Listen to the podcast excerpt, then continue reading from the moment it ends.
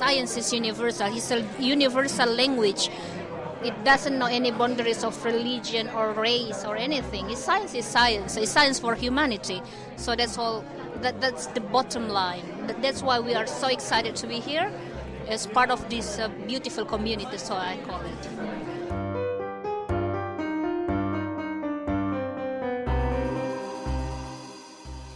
Du lyssnar på Curie-podden, en podd om forskningens villkor. Jag heter Nathalie von Delia och i det här avsnittet har jag och Virginia Stone varit på det andra globala mötet för unga akademier.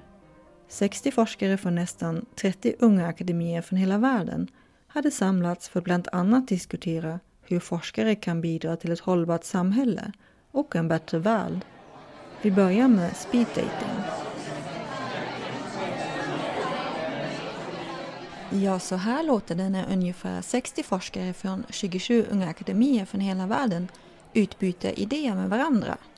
Tidningen Curie har varit på det andra globala mötet av unga akademier i Stockholm och rapporterar den här gången i ljudform. Och mycket ljud blir det när forskarna är på speed dating. De sitter i par och har sju minuter på sig för att först introducera sig och sedan hitta på antingen ett vetenskapligt projekt eller ett samarbete mellan akademierna. Vi drar ut Mia Lindskog, ledamot i Sveriges Unga Akademi, för att höra lite mer om vad som händer där inne. Det är en fantastisk ljudnivå och en fantastisk energinivå där inne. Lite, man blir lite överväldigad när man står utanför men när man sitter med så är varje diskussion väldigt fokuserad. Eh, men tillsammans blir det bara en stor eh, ja, energinivå. Jag var med i några runder själv. Eh, vi pratade om eh, köns, alltså jämlikhet i Israel, om eh, grundläggande teoretisk fysik och mörk materia, om cancerforskning och möjligheterna för finansiering för den. Och vem var den sen så hade, jo Skottland också ja, Hon, eh, där pratar vi mycket om och, och ungas engagemang. Så det är väldigt brett. Det är en fantastisk eh, härlig blandning. Man kommer ut med väldigt mycket idéer och, och tankar. Och sen att man får väldigt mycket intryck liksom från hela världen och hur mycket man har gemensamt är ofta det som jag tycker slår mig. Att man tror att man inte har så mycket gemensamt med en, en kanske en historiker eh, från eh, Ghana. Men det visar sig att man har mycket mer gemensamt än man tror. Det handlar alltså om en blandning av jämställdhet, mörk materia, finansiering för cancerforskning och ungas engagemang. Men framförallt bubblar det av idéer och Många kommer till insikten att man har mycket gemensamt oavsett vilken disciplin eller vilket land man kommer ifrån. Det är det som hände där inne under speeddatingen. Nya idéer kladdas ner på post-it-lappar och visitkort byter ägare och sen är det väldigt svårt att bryta samtalen när det är dags att bryta par.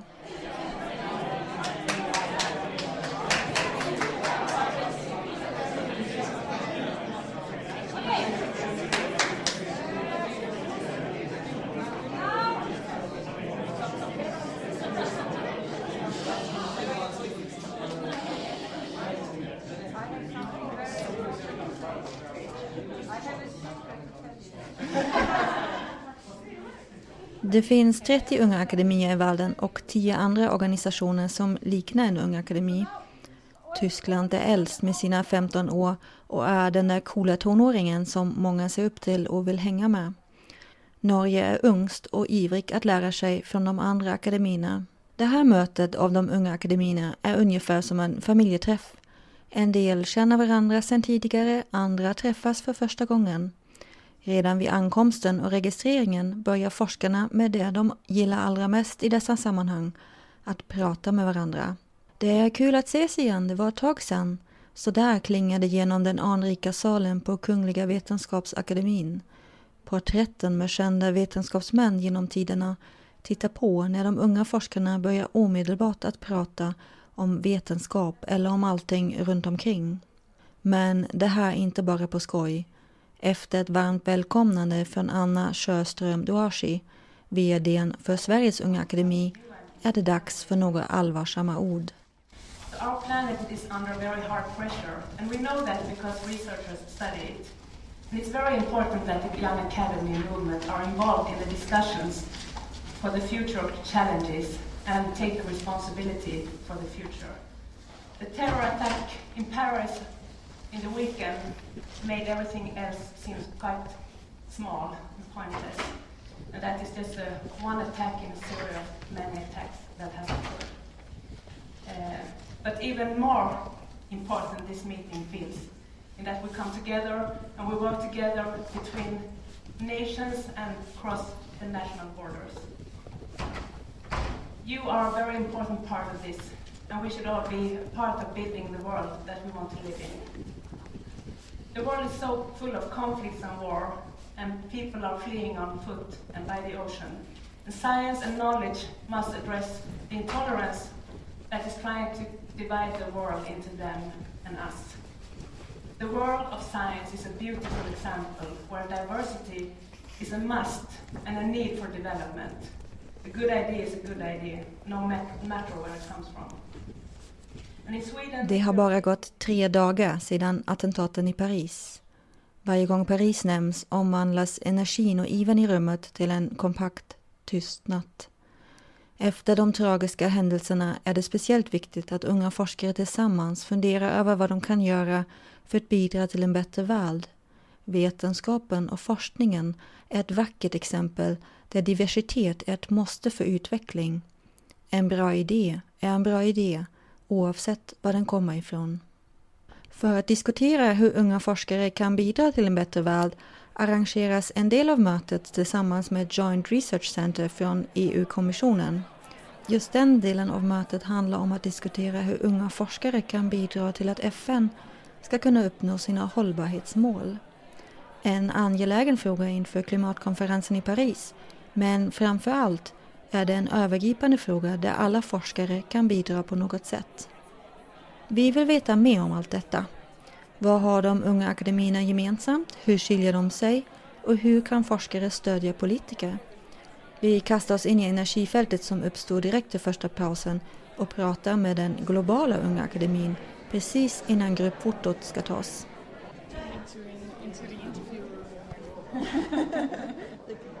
I'm Eva Alisic. I'm a co-chair of the Global Young Academy and I am Dutch working in Australia and Switzerland. Well, the Global Young Academy is really passionate about supporting young academies around the world to get established and to well to be as effective as they can in what they want to achieve. And, and getting these young academies together is one of the most important things to share experiences, learn from each other, get to know each other, develop creative ideas. So that's why we're here. So, if you look at, at the different academies um, around the globe, what questions or what issues are similar and which are different? There are many similarities in the sense that many young academies really want to contribute to science education and want to reach out to young younger people the children in schools make sure that they get enthusiastic about scientific thinking irrespective of which discipline uh, we're talking about. So science outreach is a shared interest for many. Then there's for any young scientist i think there are um, committed to improving the state of, of science and the conditions for young scientists in particular. And that's an, uh, an, uh, a shared interest as well. I think I, there is also differences, of course. Some countries struggle with very different challenges and, and a lack of resources more than others do. But in, in every country, there are things that we can learn from each other. So it's a very rich experience to, to exchange these um, activities and thoughts. Mötet ger möjlighet till samarbeten och utbyte av idéer, berättar en av de två ordföranden för Globala Unga Akademin, Eva Alisic. De unga akademierna har gemensamt att de vill nå ut till allmänheten och då speciellt till yngre människor. Alla vill också förbättra villkoren för forskare. Det som kan vara olika är förutsättningarna och resurserna som finns. Prioriteringarna kan också skifta. I Thailand till exempel är det viktigt att erbjuda stöd till forskare som återvänder från utlandet. Det berättar den andra ordföranden, Orakanokka Penraksa, från Thailand. Den stora gemensamma faktorn är passionen för forskningen. Eva Alesic betonar den globala betydelsen av de unga akademierna. There's a lot of potential within these young academies and there are topics of importance for the whole world like sustainability, like resilience and how we overcome disasters. I mean the recent attacks in Paris have have made it very clear again you know, that, that we need to, to build our society in a co- cohesive and resilient ways. And I, I believe science has a real role to play there.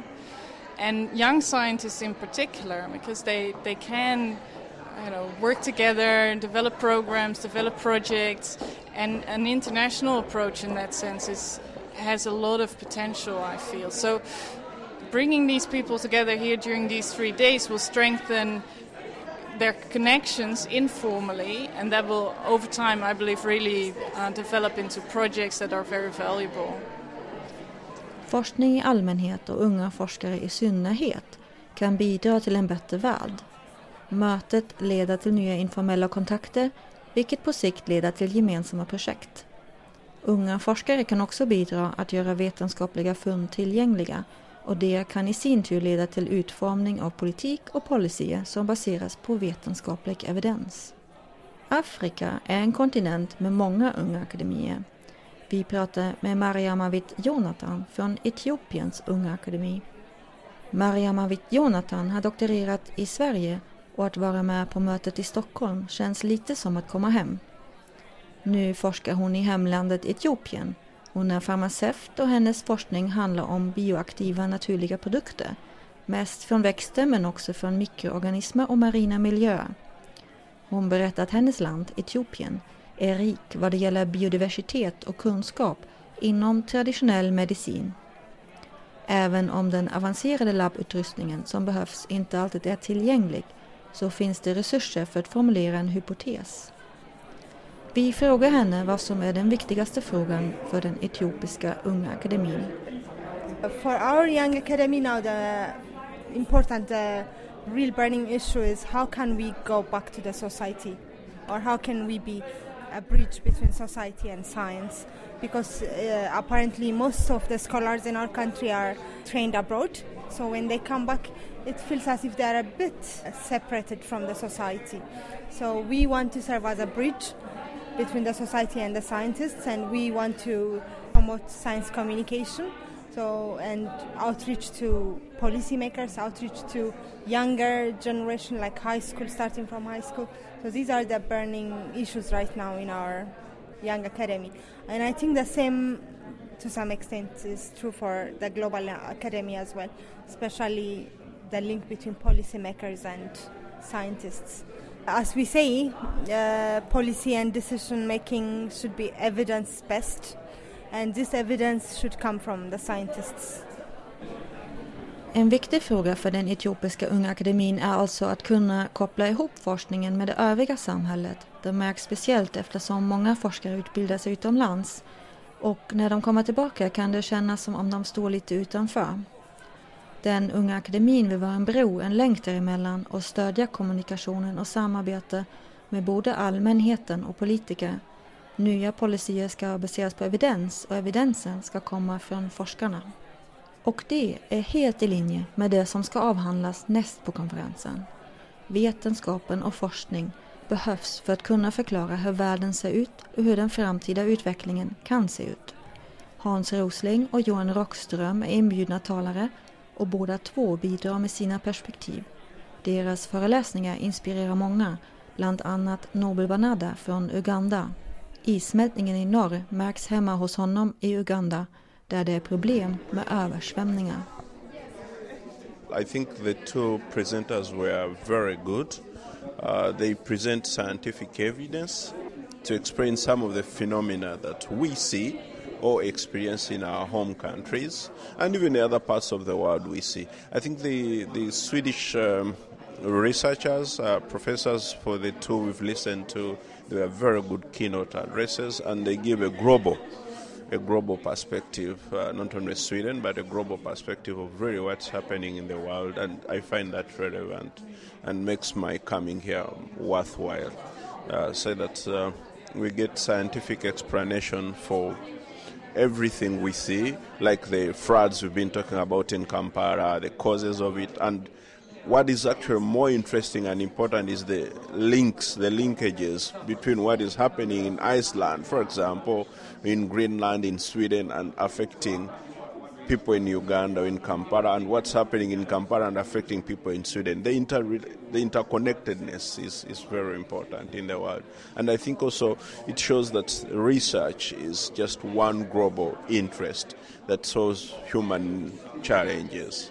Uh, the other thing that has been very interesting is, uh, which uh, the professor yesterday explained so well, is the the removal of the two worlds, the developed world and the developing world. And that is true, really. Because when you see the type of life I live, uh, the type of life you live in Sweden, it's more or less the same, but in different parts of the world.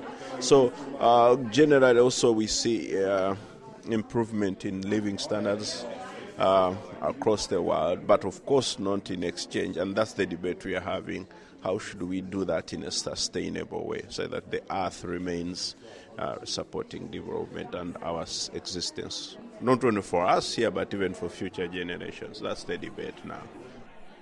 Det är just att forskningen kan bevisa att det finns en länk i hur vad som händer i en del av världen påverkar en annan del som är värdefullt. Det visar också att forskningen är ett globalt intresse.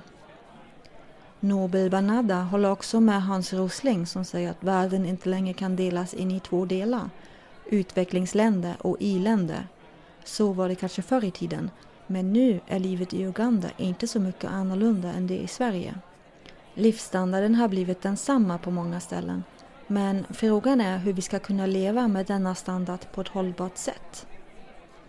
Nobel Banada menar att utmaningen inte är att hitta på fler policyer och regler de finns redan, så det räcker att bli över.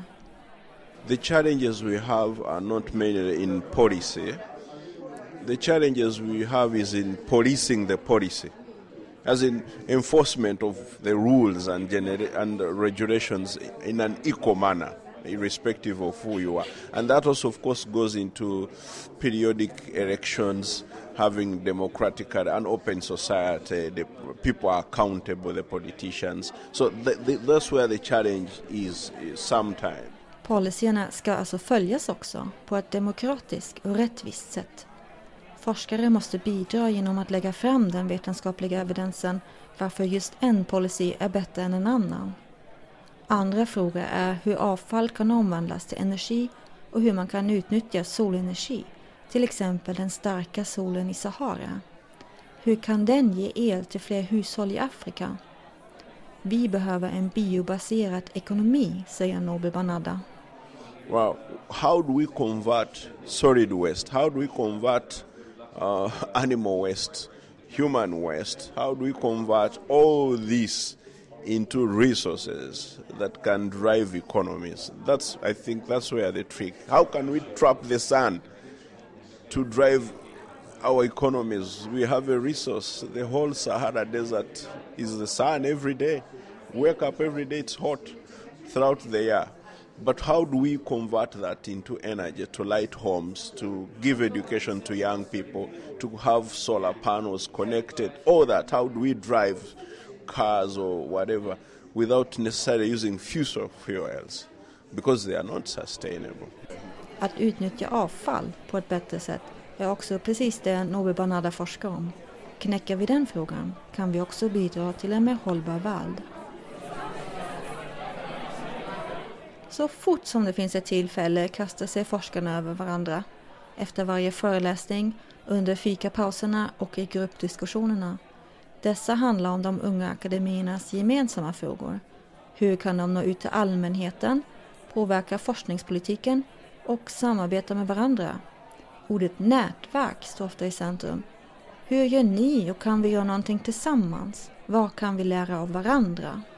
Vi hinner inte ens ta ett glas vatten i pausen innan Indonesiens unga akademi vill berätta mer. Det här är this is uh, towards a century of independence. Indonesia will now is uh, 70 years old and this is in commemorating the 2045 30 years to come.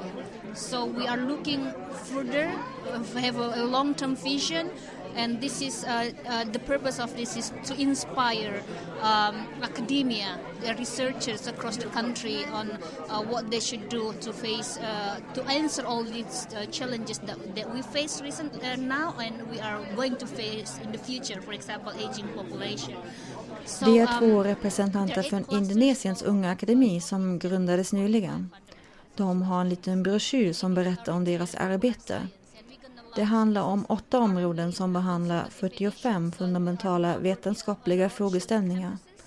Det heter Indonesian Science Agenda Towards a Century of Independence och är ett populärvetenskapligt dokument för att inspirera forskare och allmänheten. Men vi tar det från början. Sounds very interesting. Yes. We can start from the beginning. Yes. If you introduce yourself, your name, and which young academy you come from. All right. Uh, my name is Hasnawati Saleh, and I'm the first secretary uh, of Indonesian Young Academy of Sciences. And uh, my my friend. I'm Sudirman Nasir, uh, a member of uh, Indonesian Young Academy.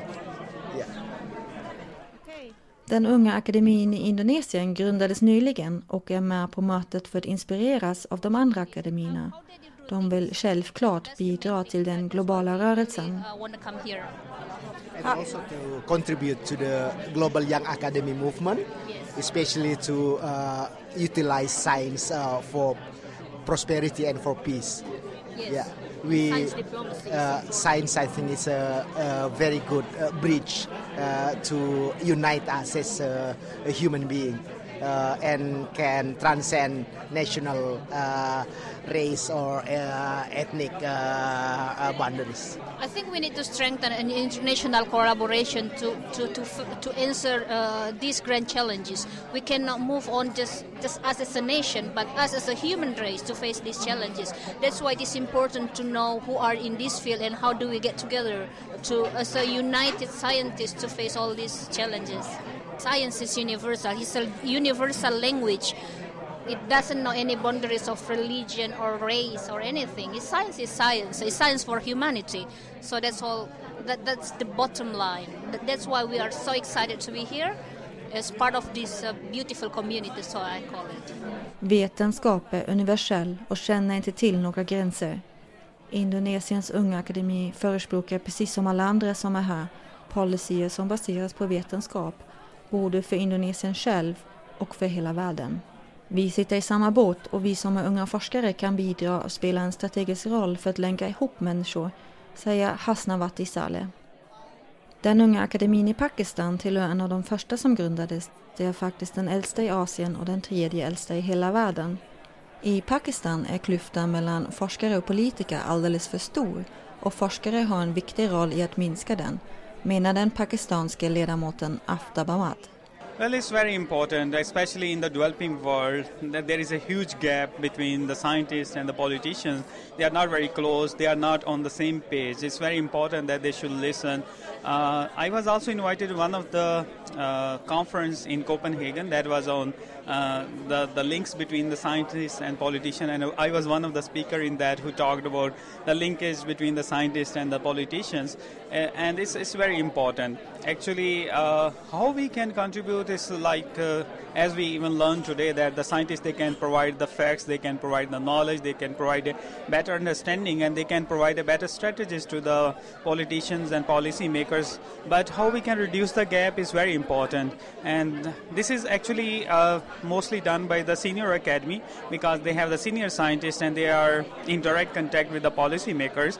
So I think the senior academy, just like there is a Pakistan Academy of Sciences, they, they should be more engaged with the politicians because they have a direct links with them and they can also involve the young scientists because the young scientists now they are more vibrant they are more mobile they are traveling around the world they are spending time they are discussing these issues so i think they sh- they can also involve them uh, along with the senior scientists so they can actually that that that will develop even the personal linkages with the politicians and that will be really helpful because they can then give the voice of the young scientists to the polit- politicians and the issues uh, they are facing not only the young scientists but also the country-wise issues like the education, the health, and many other issues. So they can present those uh, issues very well on the basis of facts and figures.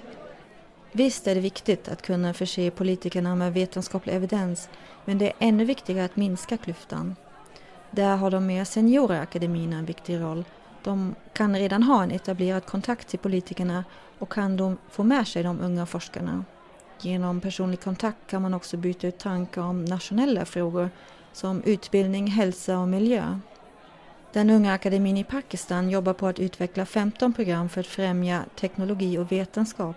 Tanken är att lyfta fram viktiga frågor, bland annat om hållbarhet och biodiversitet.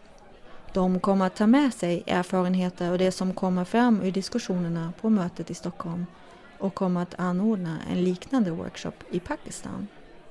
Sverige, Kanada, Ghana, Nederländerna, Serbien, Filippinerna, Ryssland, Israel, Japan och många fler länder är representerade. Men två stora forskningsnationer saknas. Storbritannien och USA. De har helt enkelt inga unga akademier. Jack Caswell från British Academy, alltså en seniorvetenskaplig akademi i Storbritannien, fanns med på mötet för att lära sig mer om de unga akademierna. I'm here um, as uh, a bit of sort of ambassador for the British Academy, but also to um, learn a bit more about the Young Academy setup and the Global Young Academy as a whole. We are a bit embarrassed in the fact that there is no UK Young Academy, um, although there is, of course, one in Scotland, which uh, they should be very proud of. And we are um, intending to make steps to, to set one up. Um, the British Academy is hoping to take a bit of a lead in this, and then eventually we're hoping that the other sister academies, the Royal Society, the Royal Academy of Engineering, and the Academy of Medical Sciences, might also eventually become involved. So then we're trying to cover obviously all the subject groups. Det finns en ung akademi i Skottland och Jack Caswell hoppas att hans akademi, British Academy, kan påbörja arbetet med att grunda en ung akademi för hela Storbritannien.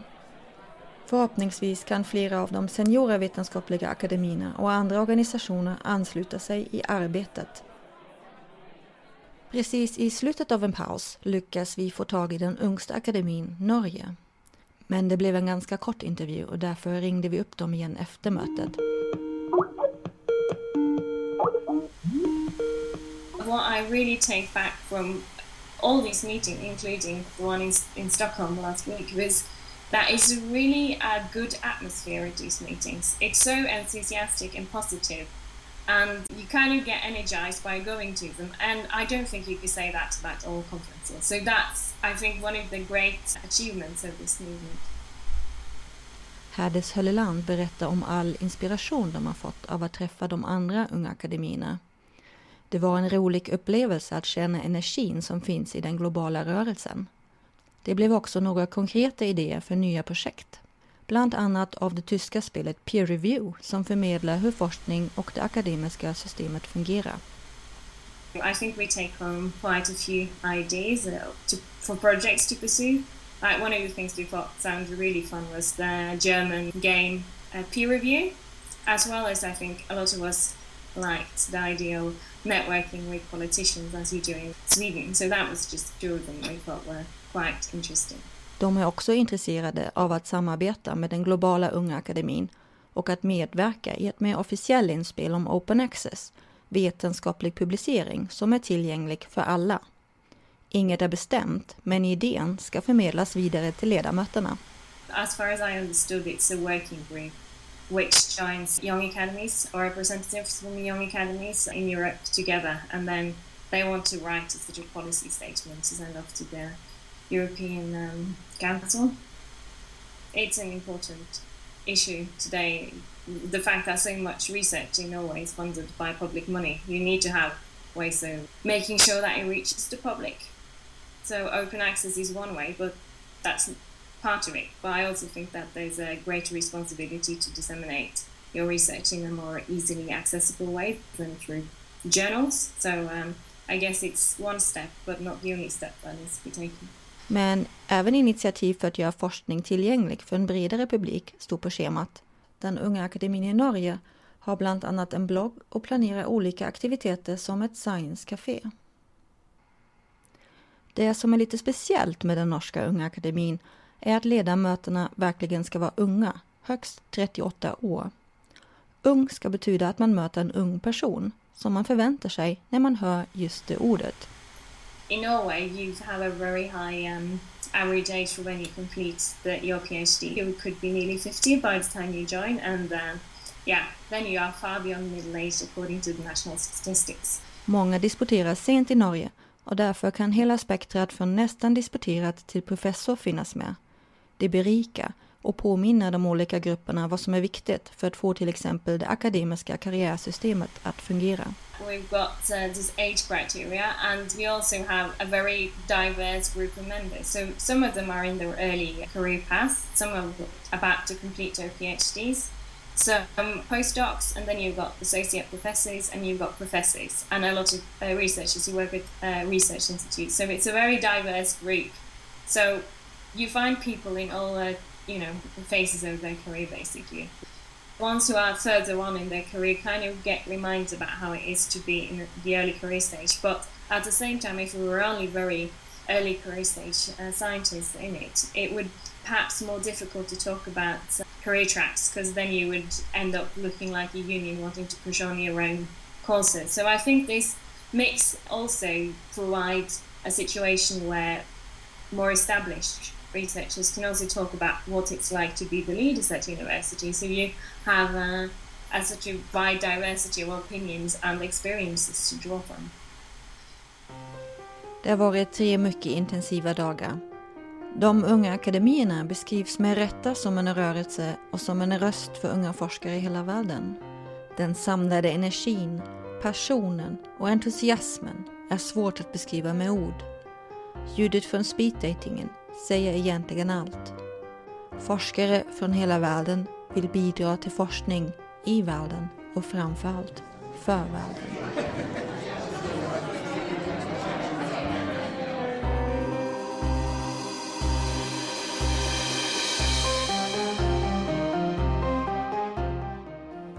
Du har lyssnat på Curie-podden, en podd om forskningens villkor.